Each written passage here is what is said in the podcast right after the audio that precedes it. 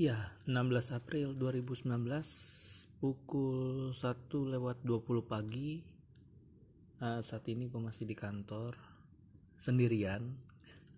Lagi shift malam sendirian. Jadi kebetulan uh, divisi bukan divisi ya namanya.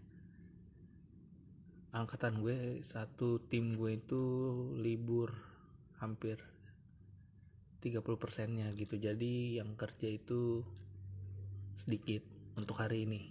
Dan gue mendapat jadwal malam sendirian. Karena gabut ya coba ngobrol lagi aja lah ya live. Tanpa skrip. Bingung sih mau bahas apa tapi ada satu hal yang mau gue angkat. Dari pengalaman yang gue alami beberapa hari sebelumnya. Jadi hari minggu gue berkesempatan buat bikin podcast lagi bareng teman-teman gue sahabat-sahabat gue di gereja. Podcastnya namanya Orbit BTW teman-teman juga bisa lihat atau temukan di Spotify juga atau mungkin dari saluran podcast lain. Nah di sana kita sempat bikin dua konten ya. Jadi satu konten itu ngebahas tentang ngebahas tentang apa ya uh, lupa lagi bahasnya. Ya jadi anggap aja bahasan pertama itu bahasan-bahasan yang umum lah. Bahasan umum yang semuanya setuju dan turut ambil bagian dalam pembahasan tersebut. Nah di konten yang kedua gue mengusulkan untuk membahas tentang konsep keuangan awalnya. Karena akhir-akhir ini gue lagi tertarik dengan pembahasan yang menyangkut soal keuangan seperti itu. Nah, beberapa orang di sana, beberapa sahabat gue di sana kayak kurang cocok atau nggak relate gitu pembahasan tersebut dengan kehidupannya masing-masing. Jadi menurut gue sih kontennya ya kurang ngangkat dan kurang layak buat naik ke platform seperti Spotify atau mungkin Google Podcast. Nah, di sini yang mau gue bahas tentang konsep memahami dan dipahami gitu.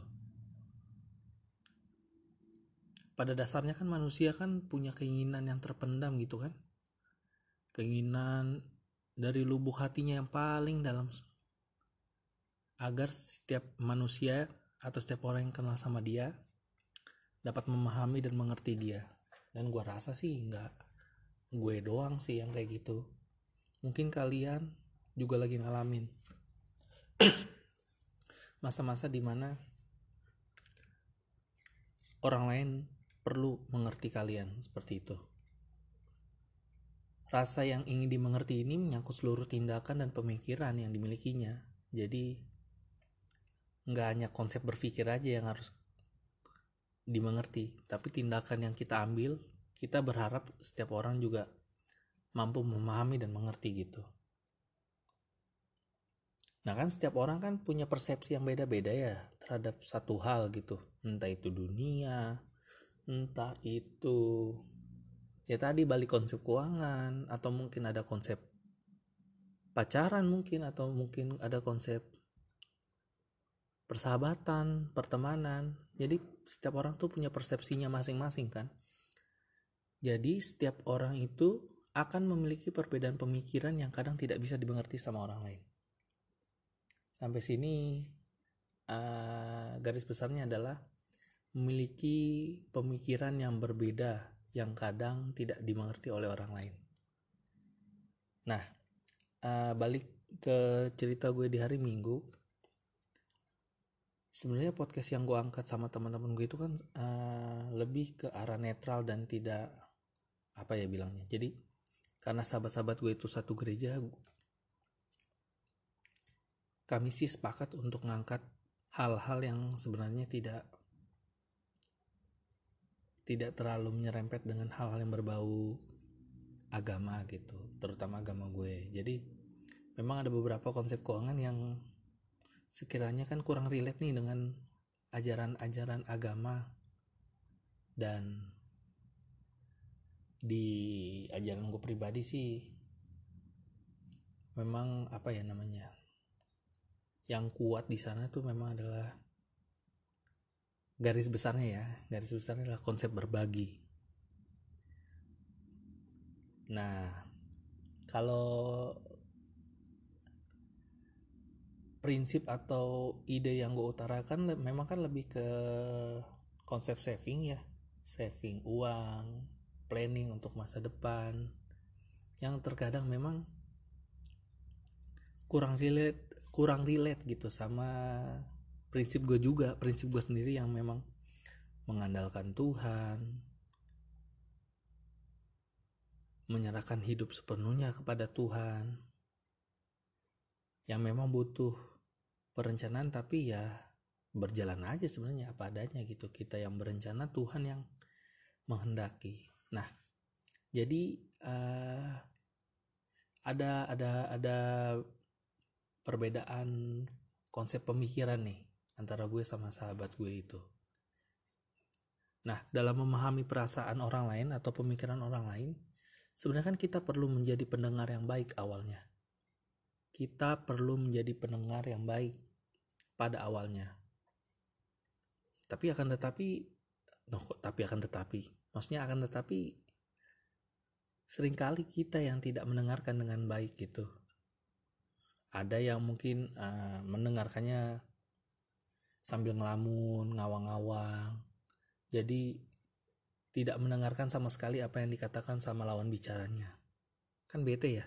kita lagi cerita kita lagi ngomong kita lagi mengutarakan pendapat lawan bicara kita ya bengong bawaannya pengen gue jambak aja rasanya itu. Atau mungkin ada teman kita yang pura-pura ngedengerin pura-pura mendengarkan gitu. Jadi ya dia mendengar seenaknya aja dan membalas dengan acuh. Misalnya ngasih respon oh ya. Walaupun sebenarnya ada konsep menjawab oh yang memang sebenarnya mendengarkan gitu. Tapi kan kita bisa bedain mana yang benar-benar mendengarkan mana yang pura-pura mendengarkan. Atau mungkin ada teman kita yang mendengarkannya secara selektif gitu. Dia pengen dengerin hal-hal yang sekiranya relate sama dia dan menanggapi hanya bagian apa yang dia perhatikan tersebut. Misalnya kita cerita A B C D E F G yang dia denger huruf B C D aja gitu. Dan dia cuma respon yang B C D aja nah itu sebenarnya contoh mendengarkan yang buruk contoh pendengar yang buruk kalau menurut gue. Lah bunyi perut gue gila. Nah ada juga yang ngedengerin tuh cuma dari kata per kata aja tapi dia nggak nggak memperhatikan secara keseluruhan cerita kita gitu. Nah kan biasanya kita kan cerita pasti ada gestur gestur tubuh yang kita gunakan atau nada perasaan. Jadi bukan sekedar ngomong yang kayak texting di WhatsApp atau di line yang nggak kelihatan gitu mimik wajah dan mimik nadanya seperti apa ya kan jadi nanggepinnya kan bisa kurang tepat gitu kalau cuman kalau dia cuman memperhatikan dari kata per kata saja gitu Nah, yang terakhir tuh ada orang atau ada pendengar yang ter, mendengarkan tuh terpusat pada diri sendiri aja. Jadi gaya mendengarkannya dengan menuruti keinginan sendiri, terus tidak mau berusaha memahami apa yang disampaikan sama lawan bicaranya. Nah biasanya sih orang-orang yang kayak gini yang bikin kita nggak nyaman buat ngomong. Biasanya sih gitu. Orang-orang tersebut tuh yang biasanya yang suka menghakimi gitu. Kita cerita, kita sharing tentang suatu tapi dia malah menghakimi secara sepihak gitu sok menasehati sok menggali tentang keadaan kita yang bikin sebenarnya kita nggak nyaman dan nggak senang gitu. Nah kalau kita yang menunjukkan sikap sikap-sikap yang yang sebelumnya gue sebutkan tadi gue jamin sih pasti memang orang yang kita ajak bicara pasti nggak nyaman. Nah gimana sih cara mendengarkan yang baik sih? Alah gim maksudnya gimana sih cara mendengarkan yang baik yang tentu mendengarkan dengan telinga dengan mata dengan hati gitu. Kan kita hanya bisa dapat nangkap itu biasanya tuh maksud seseorang itu empat persennya dari kata-kata. Kalau kata Google ya. Jadi kita hanya dapat menangkap sekitar 4% maksud seseorang melalui kata-kata. Tetapi kita dapat memahami sebanyak 40% dari nada perasaannya bahkan 53% dari gestur tubuhnya. Maka untuk memahami orang lain dengan lebih baik pahamilah percakapan melalui telinga mata sama hati. Nah makanya jadi kalau ada orang yang cerita ya ya luangkan waktu lah fokuskan hati dan pikiranmu untuk mendengarkan dia gitu. Terus selami perasaan mereka. Setiap dari kita kan memandang dunia melalui kacamata yang berbeda ya jadi ya coba belajar untuk melihat dari sudut pandang lawan bicara kita gitu loh dengan mencoba memahami sudut pandang mereka, kita pasti akan tahu pemikiran seperti apa yang dimilikinya. Dan akhirnya kita akan memahami orang lain lebih baik. Seperti itu. Lalu kalau konsep yang ketiga yang gue pelajarin juga nih dulu saat saat marketing, kita harus berusaha bersikap seperti cermin. Maksudnya ya eh, cara yang mengulangi kata-kata yang diucapkan orang dengan kata-kata kata-kata kita sendiri. Jadi kita menunjukkan perhatian kita, fokus kita terhadap lawan bicara kita. Jadi apa yang dia utarakan kita bisa sampaikan kembali kata-kata yang lawan bicara kita sampaikan dengan jenis kata kita kata-kata kita sendiri. Seperti itu.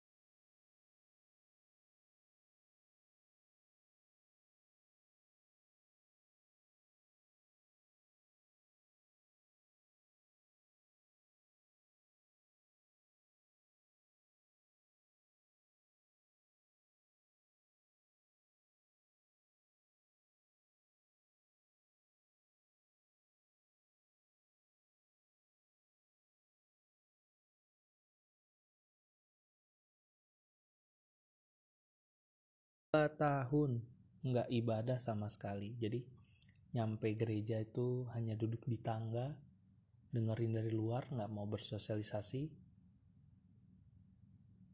Karena gue gak punya temen. Terus gue dikatain jelek.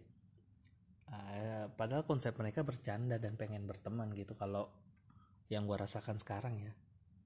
Nah orang-orang yang ngatain gue dan bikin gue minder tuh bikin gue minder itu ternyata malah jadi sahabat gue sekarang. Sahabat sahabat gereja gue itu.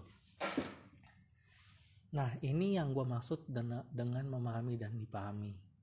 Dengan belajar memahami sebenarnya kita mendapat banyak peluang tahu untuk mengenal dunia dari perspektif perspektif lain. Jadi uh, hati kita otak kita nggak terkungkung nggak ter terpenjara dengan konsep-konsep yang kita bangun sendiri aja. Tapi bisa sinergis sama pemikiran orang lain. Seperti itu. Dari memahami dan dipahami juga kalau bisa flashback juga mungkin itu kali ya salah satu gue gagal dalam hubungan. Alah. Saat SMA gagal. Lulus SMA malah jadi obsesi. Dan apa ya terlalu banyak dipahami juga bikin gue takut sebenarnya. Uh, gimana ya gue bilangnya terlalu banyak dipahami. Jadi orang cenderung mengikuti ritme hidup kita karena mereka berusaha untuk memahami kita terus tanpa ada effort untuk sharing ide, sharing perasaan. Kalian punya nggak pengalaman seperti itu? Bingung ya? Gue juga sih bingung sebenarnya. ya, yang penting sih dengan memahami perasaan lawan bicara kita, orang tersebut secara tidak sadar akan membuka hatinya untuk mendengarkan apa yang kita, akan kita katakan. Jadi, sebelum kita dipahami, kita harus belajar memahami orang lain dulu. Karena dengan memahami orang lain, mereka pasti akan siap membuka hati, membuka pikiran, membuka diri untuk menerima apa yang kita katakan. Kita mendapat kepercayaan dari mereka. Dua telinga satu mulut sebenarnya konsep yang unik menurut gue. Tuhan ciptakan dua kuping dan satu mulut dengan dengan tepat sih. Luar biasa memang sang pencipta itu kita harus lebih banyak mendengarkan daripada berbicara.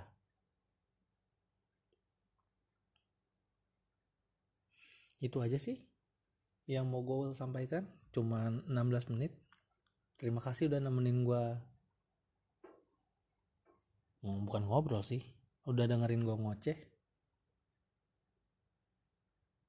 Sebenarnya ada dua atau tiga rekaman yang pengen gue naikin gitu yang secara spesifik terkonsep pembicaranya ada skripnya tapi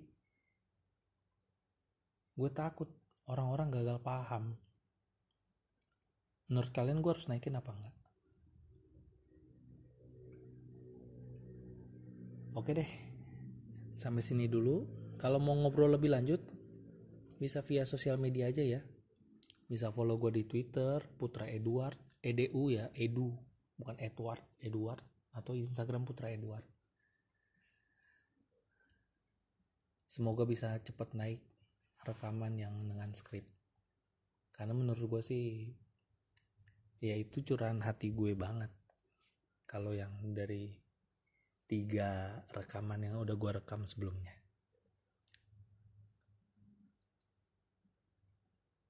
Sampai ketemu di malam selanjutnya